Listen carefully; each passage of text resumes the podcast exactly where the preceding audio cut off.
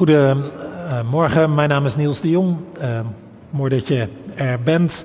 En als je de afgelopen twee weken hier was, of uh, meegekeken of nageluisterd hebt, dan uh, heb je begrepen dat we met een drieluik bezig zijn van vreemde verhalen. En voor de derde achtereenvolgende zondag denken we na over een gedeelte uit het Bijbelboek Jeremia. En we lezen in de kerk ook die vreemde verhalen uit de Bijbel, omdat die juist soms inzichten kunnen geven uh, inzichten, dingen die we zelf niet uh, hadden bedacht. En soms de vreemdste Bijbelteksten, teksten met grote afstand tussen, tussen toen en ons. Uh, soms die teksten kunnen ons juist een betere, andere kijk op de dingen geven. Oftewel, die dingen geven ons andere perspectieven. En vandaag kijken we naar Jeremia 49 voor zo'n ander perspectief. Beter gezegd, een breder perspectief op de wereld om ons heen. Ook een breder perspectief op God. En uh, zo'n breder perspectief kan geen kwaad, denk ik. dat is ook een kenmerk van wijsheid. Hè? Dat je geen smalle, eenzijdige blik op de werkelijkheid hebt, maar dat je breed kunt kijken. Naar de wereld, naar jezelf, naar God. Nou, de Bijbel helpt ons bij zo'n breder perspectief. En vandaag hopen we dat Jeremia 49 ons dat wil geven. Een wat uh, vreemd gedeelte Immers, er klinkt een boodschap van Jeremia voor een volk uit lang vervlogen tijden, de Ammonieten. Maar als we daar wat langer bij stilstaan, dan zien we de relevantie voor vandaag. Zeker met het oog op de huidige spanningen in de wereld. Klein beetje introductie voordat we gaan lezen. In Jeremia 49 staat een boodschap van Jeremia, een profeet, een boodschapper van God, voor de Ammonieten. Een volk dat inmiddels niet meer bestaat. Maar dat je gedurende het Oude Testament regelmatig kunt tegenkomen. En eigenlijk altijd in botsing met het volk Israël. En de profetie van Jeremia 49 richting eh, die Ammonieten komt uit een blok tekst dat loopt van Jeremia 46 tot en met 51. Waarin ons bekende en ons onbekende volken van alles en nog wat wordt aangezegd. Toegezegd. Uh, die volken worden ter verantwoording geroepen uh, en uh, gezegd dat ze hun straf niet zullen ontlopen vanwege al hun fouten, geweld en onrecht dat er gepleegd is. Vanwege al hun kwaad ook. En dat wordt gedaan met, met woorden, een taal, een poëzie die, die wij waarschijnlijk niet zomaar makkelijk even kunnen pakken. Maar als we door dit eerste onbegrip heen lezen, kunnen we dat bredere perspectief uh, vinden. Juist ook ten aanzien van alle onrust en strijd op het wereldtoneel van de laatste dagen. Laten we dit gedeelte eerst maar eens lezen en je kunt uh, meelezen. Jeremia 49, 1 tot en met 6. Dit zegt de Heer over de Ammonieten. Heeft Israël geen eigen zonen? Heeft het zelf geen erfgenamen? Hoe kon de God Milkom dan Gad verjagen? Waarom woont zijn volk nu in de steden van die stam? Maar de dag zal komen, spreekt de Heer, dat ik Rabat Ammon, de hoofdstad van Ammonieten, dreunen laat van krijgsgeschreeuw. Het valt in puin, het zal verlaten zijn. De dorpen gaan in vlammen op. Dan zal Israël zijn bezetter verjagen, spreekt de Heer. Barst uit in gejammer, Gesbon, want Ai wordt verwoest. Schreeuw het uit, vrouwen van Rabba, weeklaag, hul je in het zwart. Ren radeloos rond in de velden. Want Milkom, de god van de Ammonieten, gaat in ballingschap. Priesters en leiders volgen hem. Ammon, waarom poch je zo op je valleien, je velden die zo vruchtbaar zijn? Eigenzinnig volk van Ammon, jullie wanen je zo veilig met je voorraden dat jullie zeggen, niemand kan ons aan. Ik stuur een angstwekkende vijand. Hij komt van alle kanten op je af, spreekt de Heer, de God van de hemelse machten. Hij zal jullie als vluchtelingen verstrooien. Niemand verenigt jullie weer. Maar eens zal ik in Ammons lot een keer brengen, spreekt de Heer. Je kunt je voorstellen dat uh, het nieuws in Oekraïne zelf beheerst zal worden door alles wat er daar gebeurt. Er gebeurt natuurlijk in Oekraïne nu ontzettend veel. Aan alle kanten op is er, uh, is er ellende, chaos en moeite. En je kunt je voorstellen dat de, mensen in Oekraïne natuurlijk nu even helemaal geen oog hebben voor wat er in de rest van de wereld gebeurt. Maar dat ze compleet in beslag worden genomen door wat er in hun eigen land gebeurt. En alle begrip daarvoor natuurlijk. Maar die Jeremia, die zou je kunnen zeggen, ja, die, die had ook genoeg aan wat er allemaal in zijn eigen land gebeurde. Ook, daar was heel veel te doen, er was heel veel dreiging. Het, de, de, het, volk zat in crisis, het volk Israël, er was helemaal niet zoveel meer van over. Dat was Jeruzalem en nog een provincie eromheen, zou je kunnen zeggen. En, en ook dat werd bedreigd en er, was al veel afgepakt. En, en, oorlog, geweld, onrecht, al dat soort dingen waren de orde van de dag. Je zou kunnen voorstellen dat die, dat die Israëlieten uh, genoeg hadden aan wat er in hun eigen gebied gebeurde. En dat hadden ze misschien ook wel, maar uh, Jeremia, die, die, diens blik gaat ook naar buiten. Die, die gaat ook vanaf hoofdstuk 46 tot en met 51 op, op, op allerlei volken buiten, buiten Jeruzalem en omstreken, zou je kunnen zeggen. Niet, niet alleen zomaar één of twee, maar heel veel volken worden in die hoofdstukken benoemd en aangesproken. Natuurlijk had deze boodschapper van God ook een, ook een boodschap voor de Israëlieten zelf, voor de mensen in Jeruzalem, met name voor de leiders, om hen te proberen op andere gedachten te brengen, om hen Gods perspectief te laten zien. Maar dan gaat vanaf hoofdstuk 46 de blik naar buiten, naar de volken van die tijd. Grote en kleine volken, volken die de geschiedenisboeken hebben gehaald en volken die we al lang vergeten zouden zijn als ze niet in de Bijbel terecht waren gekomen. Jeremia is daarin niet uniek.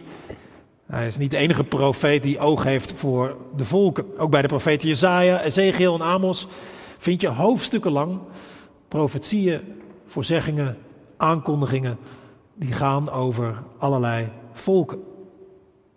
Deze profeten, deze boodschappers van God, roepen die volken als het ware tot de orde. Die, die zeggen, jullie komen niet weg met je machtsmisbruik. Jullie komen niet weg met je kwaad of met je geweld of wat jullie allemaal denken te kunnen maken. God vindt er iets van. God zal dat recht zetten. En die profeten die hebben die volken iets te zeggen, omdat God die volken iets te zeggen heeft. Omdat God over al die volken gaat. En als je, als je alleen al dit punt meeneemt de komende week, hè, als, je, als, je, als je het nieuws kijkt en zo, dan, dan is deze preek denk ik al geslaagd. Dat God over de volken gaat.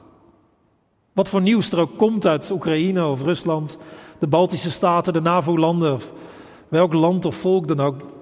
Bedenk dan, God staat erboven. God gaat daarover. Die volken zijn geen autonome machten die elkaar maar een beetje in bedwang moeten proberen te houden. Nee, daarboven staat God. God is de God van alle volken. God is de God voor alle volken. En hij gaat over alle volken. Het is niet zomaar een punt uit, uit Jeremia, of ook niet alleen maar een punt uit die andere profetische boeken. Maar je ziet het ook in talloze psalmen terugkomen. En het, het van Genesis tot Openbaring, van het eerste tot laatste Bijbelboek, is dan een kernidee. God staat erboven. Hij staat aan het begin van alle volken, maar hij komt ook aan het einde om de volken te oordelen. En het lijkt mij dat dit geloof een enorme bemoedigend geloof is, ook als je naar het nieuws kijkt. Een bron van hoop ook, als je naar het wereldtoneel kijkt. God die gaat hierover. En hij komt terug op wat volken doen. Maar goed, ik heb nog wat meer eh, dan dit idee alleen. En ik wil dat in vijf punten wat uitwerken. Allereerst dat God erboven staat, dat hij recht spreekt over de volken, dat was toen net zo min vanzelfsprekend als dat het nu is. Het, het, was in die tijd ook echt opmerkelijk dat die profeten als Jeremia überhaupt dingen over andere volken dachten te kunnen zeggen. En als je even bedenkt dat die profeten, zo'n profeet als Jeremia hoorde bij, bij, bij, bij een heel klein volkje, een volkje in de marge. Er waren tijden geweest dat, dat Israël nog wel wat voorstelde, maar dat, dat was echt al lang geleden. En, en Israël stelde helemaal niet zoveel voor.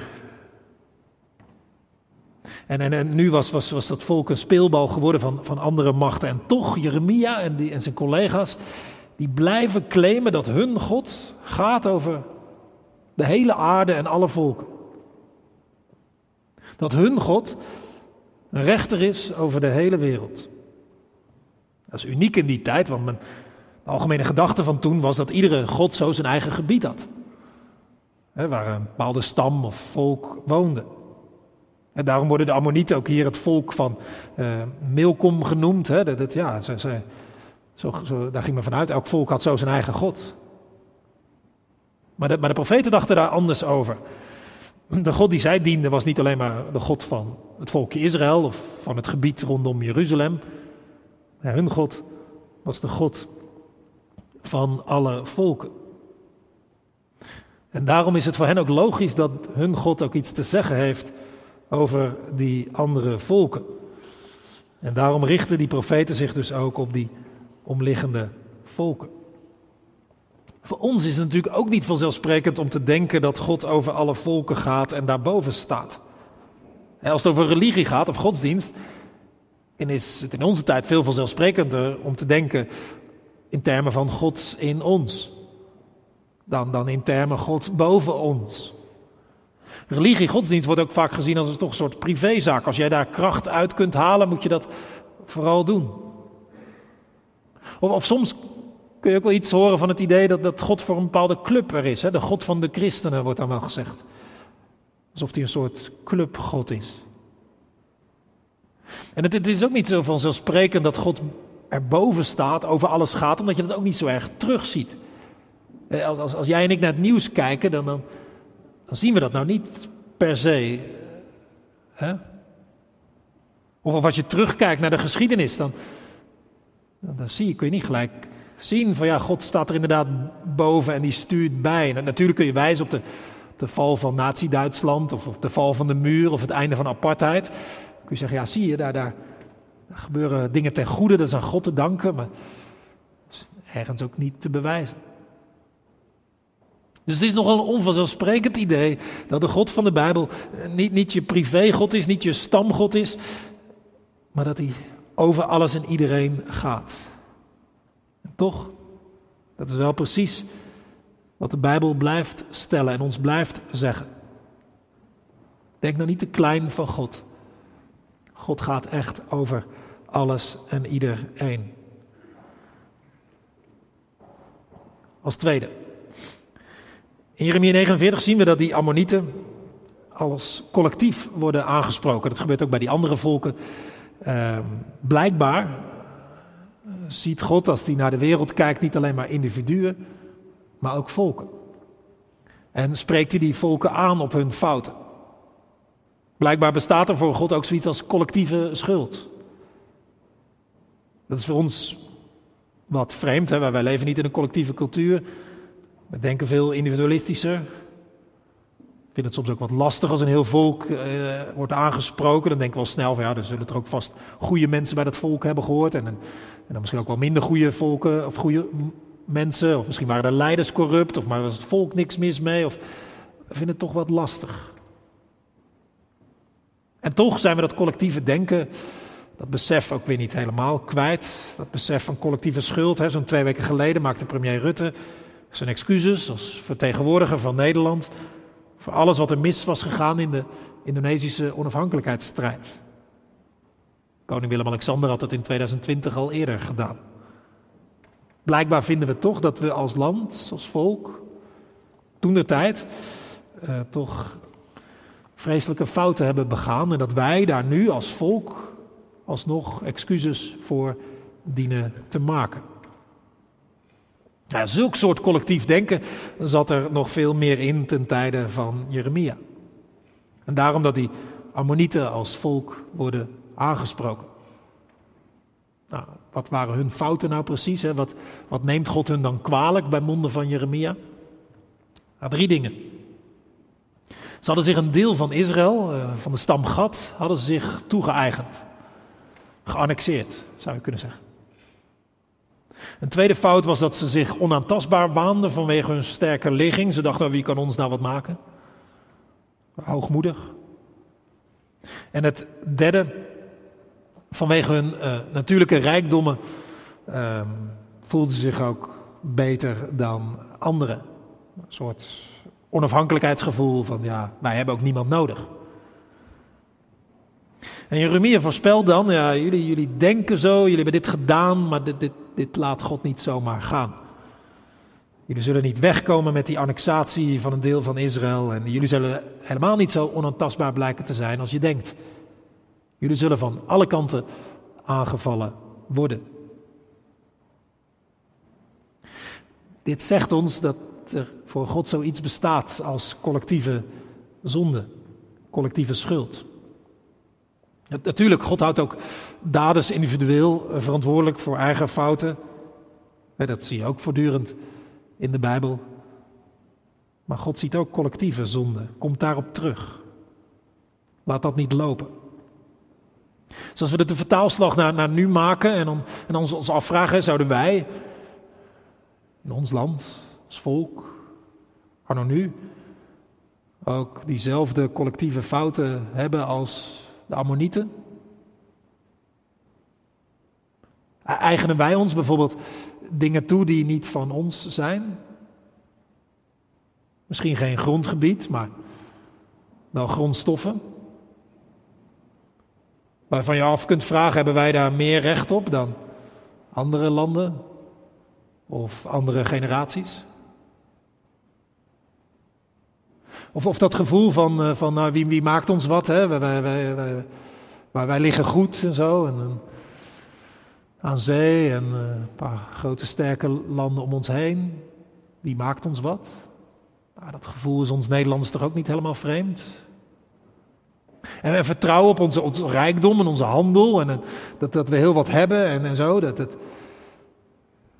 ja, dat, dat is ons toch ook niet wat vreemd met, met de daarbij gepaarde arrogantie. Hè? Dat, eerlijk zijn, hè? zo staan we eens een beetje bekend. Dus die zonden van de Ammonieten, die, die, ja, die zijn ons misschien niet zo vreemd. En daarom is misschien geen gek idee, zoals bijvoorbeeld iemand als Nehemia doet in de Bijbel, om vergeving te vragen ook voor, de, voor je volk, voor, voor je land, voor de mensen om je heen.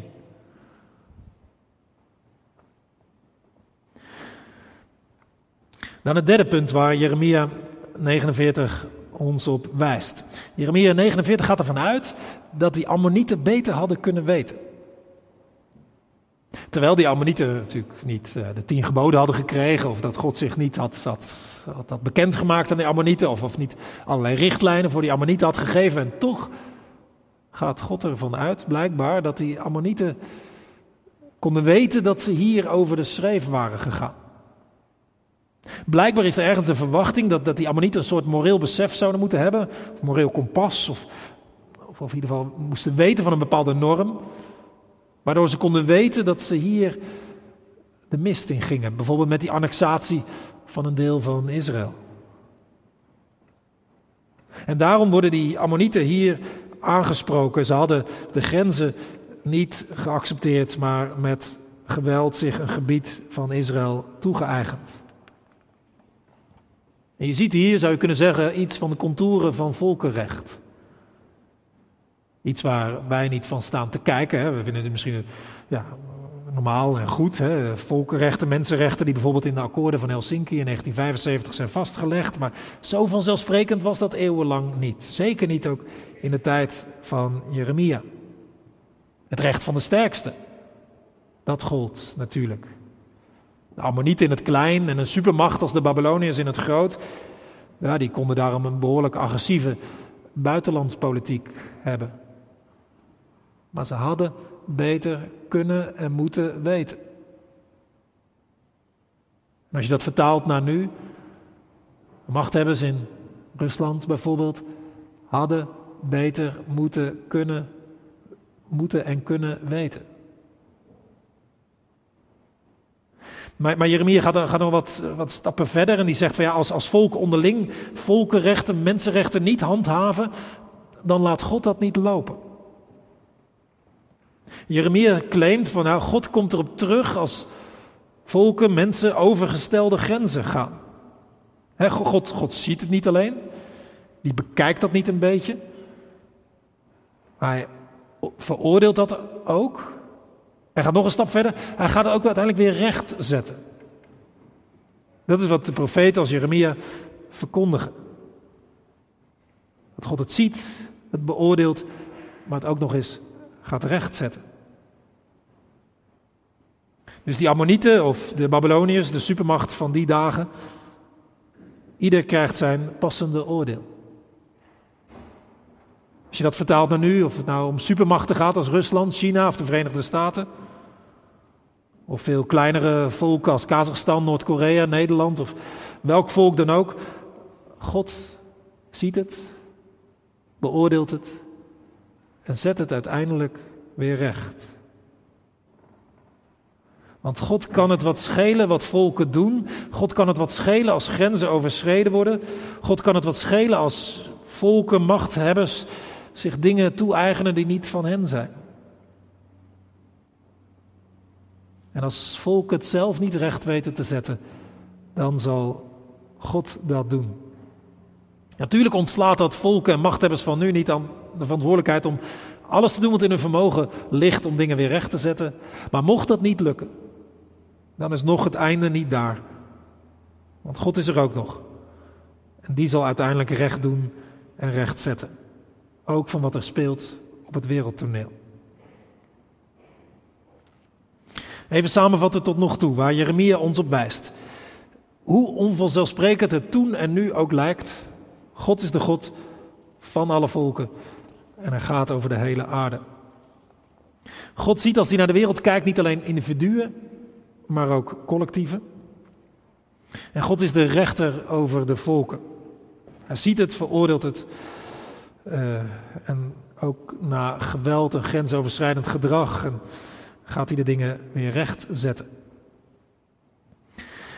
Dan het vierde en laatste punt. Ik had er vijf toegezegd, geloof ik. Valt mee of valt tegen, dat, dat laat ik aan jezelf uh, over. Uh, maar God zal een keer brengen in het lot van de Ammonieten. Dat is het vierde en laatste punt. Dat laatste zinnetje uit onze tekst. Opeens die ommekeer, die belofte. Je zou kunnen zeggen, op een bepaalde manier is deze voorspelling uitgekomen in het bestaan van de Ammonieten. Inderdaad, dat weten we uit historische bronnen, zijn die Ammonieten overlopen. Het is niet helemaal duidelijk of dat de Babyloniërs geweest zijn of een ander volk. Maar ze zijn overlopen, uh, ingenomen, gestraft, hoe je het zeggen wil. Maar ze werden niet voor goed van de kaart geveegd. Ze kregen nieuwe kansen, nieuwe bestaansrecht. En ze hebben nog eeuwen bestaan als volk. Er is een keer gebracht in hun lot. Maar deze toezegging kun je ook nog op een ander niveau lezen. Deze belofte van God om verandering te brengen in het lot van de Ammonieten. dat, dat is een teken dat God zelfs zo'n volk, dat God niet nodig dacht te hebben, dat alles, uh, alles te kunnen maken wat in hen opkwam, dat God hen genadig wil zijn, dat zegt ons iets. Ook omdat het niet hier op zichzelf staat, één beloftetje voor één volk. Nee, verspreid over de profeten, verspreid door de Bijbel, zie allerlei beloftes en toezeggingen van God richting allerlei volken. Blijkbaar zoekt God altijd weer manieren om volken een nieuwe kans te geven en genadig te zijn. En dat God er zo in staat, wordt het allermeest duidelijk als je naar de komst van Jezus kijkt. Hij was een Jood, leefde in Israël, maar zijn boodschap was bedoeld voor, niet alleen voor zijn volksgenoten, maar uiteindelijk voor iedereen. En de profeet Jezus die zag ook iets voor zich, een, visioen, een toekomst. Toen hij zei, uit het oosten, uit het westen, uit het noorden en uit het zuiden zullen ze komen. En aanliggen in het koninkrijk van God. En bij zijn afscheid zei Jezus tegen zijn volgelingen: Ga heen en maak alle volken tot mijn leerlingen. En daarmee zet Jezus de deur open voor de hele wereld, voor alle volken. Voor Noord- en Zuid-Koreanen, voor Russen en Oekraïners, voor Congolezen, Brazilianen, Surinamers, Afghanen, Nederlanders, Chinezen, wie dan ook. Ja, God, oordeelt ook. Als, als dingen, als volken, mensen macht hebben over de schreef gaan, dan oordeelt hij, zeker. Maar God zoekt ook altijd manieren om genadig te zijn. En zoals altijd, het oordeel houdt een keer op. Maar Gods genade blijft altijd. En daarom, dankzij Jezus, mogen we goede hoop hebben en houden. Ook als je naar het nieuws kijkt. Ook als je dan denkt, hoe kan dit ooit goed komen? Dankzij Jezus is het toekomstperspectief van de Bijbel niet dat het uiteindelijk toch allemaal uit de hand loopt en ieder volk ten onder gaat. Nee, het toekomstperspectief is dat er hoop is voor de volken. Daar heeft Jezus Christus alles voor gedaan. Heeft het oordeel gedragen van individuele en collectieve zonden, zodat hele volkstammen vrijuit zouden kunnen gaan. Amen. Laten we luisteren naar het lied Maan en Sterren, waarin het gaat over God die je ziet staan. En je kunt je eigen naam uh, daarin horen of lezen, maar je kunt er ook de naam van een volk in horen of lezen. Misschien wel het Oekraïense volk of een andere volk of groep. God ziet en staan. Laten we luisteren.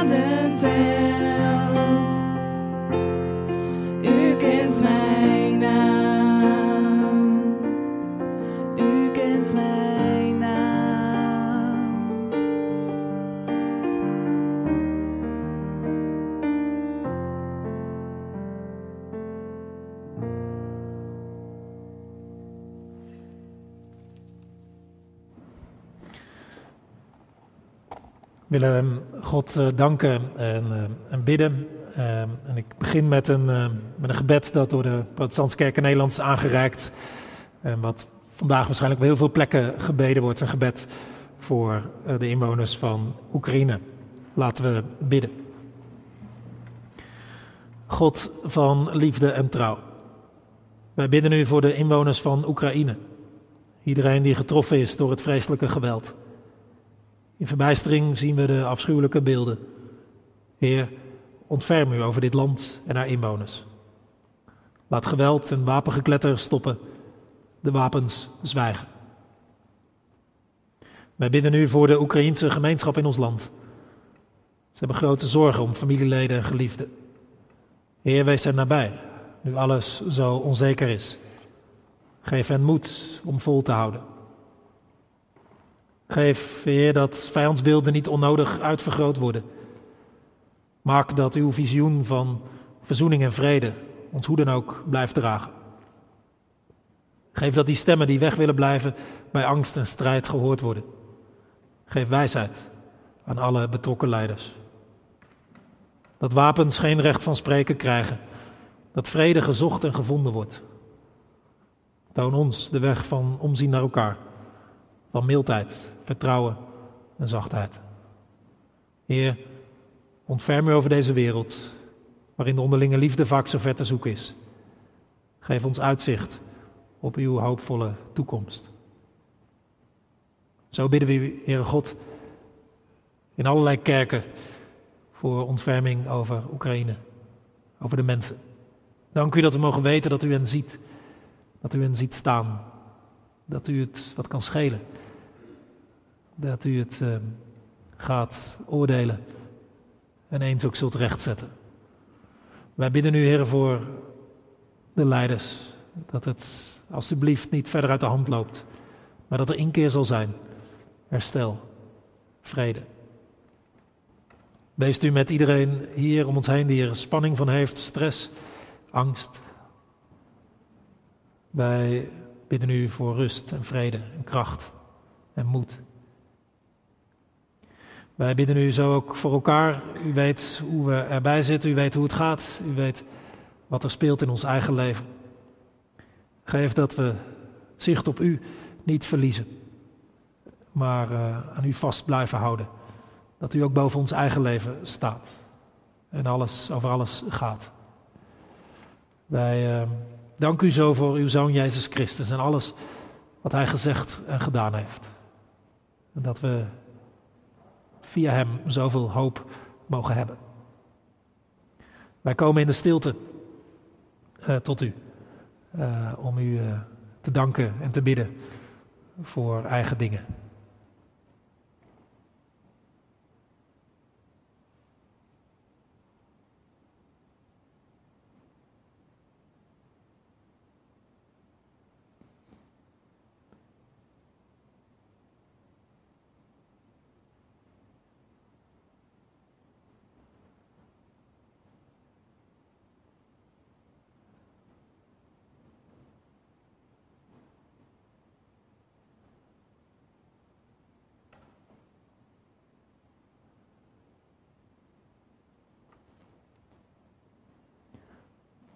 Neem ze onze dank aan en hoor onze gebeden in de naam van Jezus Christus. Amen.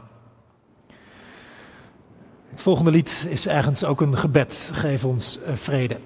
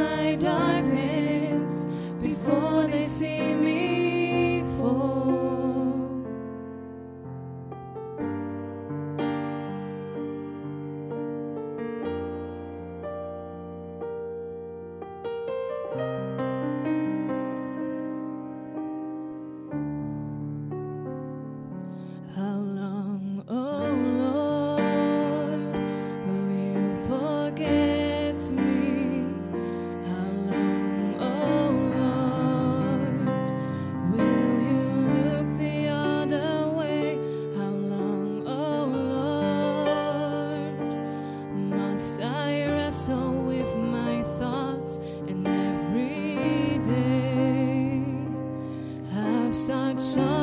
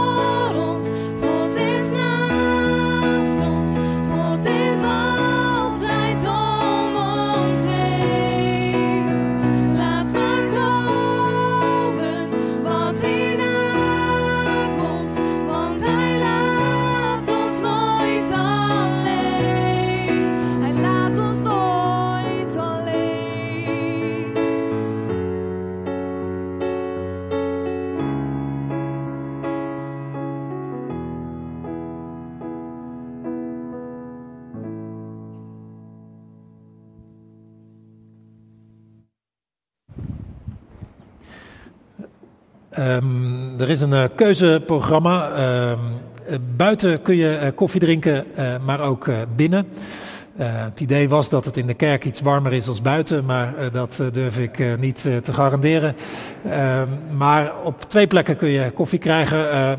praat gerust ook wat na en vast heb je mensen misschien ook een tijd niet gezien. Of zie je ook mensen die je helemaal niet kent. goed om ook oog te hebben. En begin eens bij iemand die je bijvoorbeeld nog niet kent. Voor nu en voor de komende tijd en waar je ook weer heen gaat, draag met je mee de zegen van de Heer. De Heer zij voor je om je de weg te wijzen. De Heer zij naast je om met je mee te gaan van stap tot stap. De Heer zij onder je om je op te vangen als je struikelt. Rondom je om je te beschermen tegen de boze. In je om je te troosten. Boven je om je te zegenen. En zo zegenen de Heer vandaag, morgen en voor altijd. Amen.